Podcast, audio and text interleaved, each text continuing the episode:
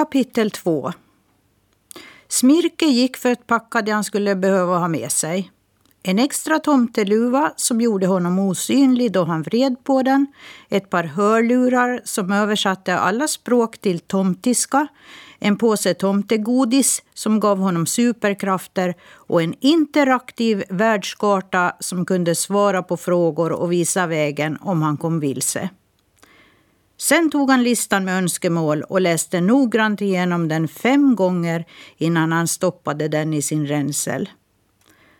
Smirke satte sig i swish-swishen och skrev in den första adressen som var i landet Sverige. Det var en ort ganska långt norröver.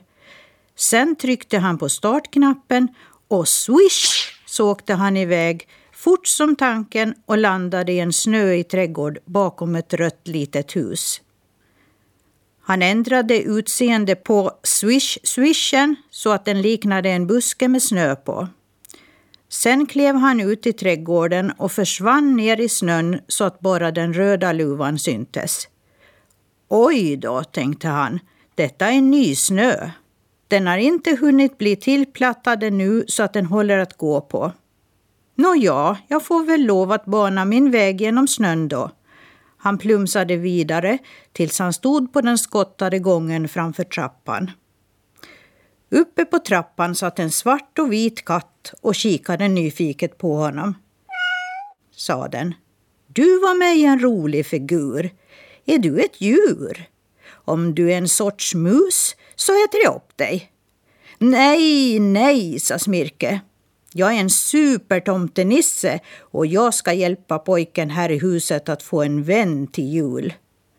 Jaså, det ska du, sa katten. Det behövs inte, för han har redan en vän. Men han har skrivit på sin julklappslista att han vill ha en vän, sa Smirke. Vem är den där vännen han har då?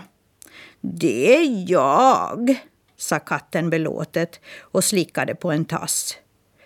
Jaha, det är ju bra att du är hans vän, men jag tror att han menar en människovän. Kan du berätta lite om pojken och hans familj för mig? Kan jag väl, men först vill jag ha en skål med grädde och då måste vi in i huset, sa katten och kröp in genom en lucka i dörren. Smirke kröp efter och för säkerhets skull så vred han på sin luva så han blev osynlig.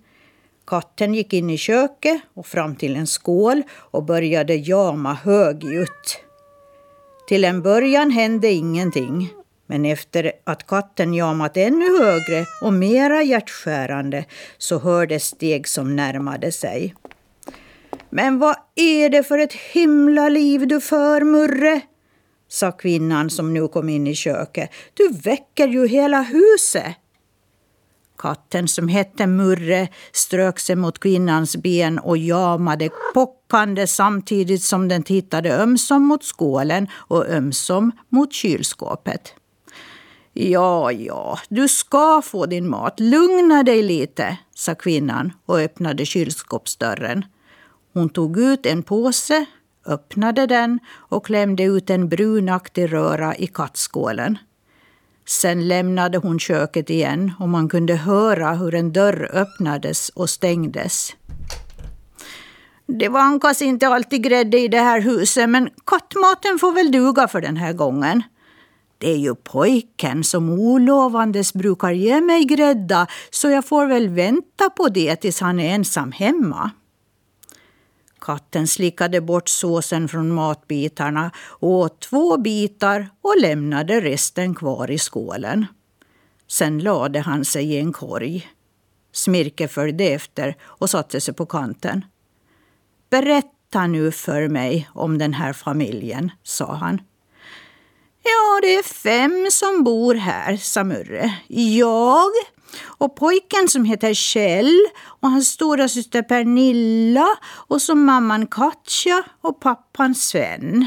Kjell är åtta år och Pernilla är fjorton och jag är också åtta år. Vi kom samtidigt till det här huset, Kjell och jag, och vi blev genast vänner.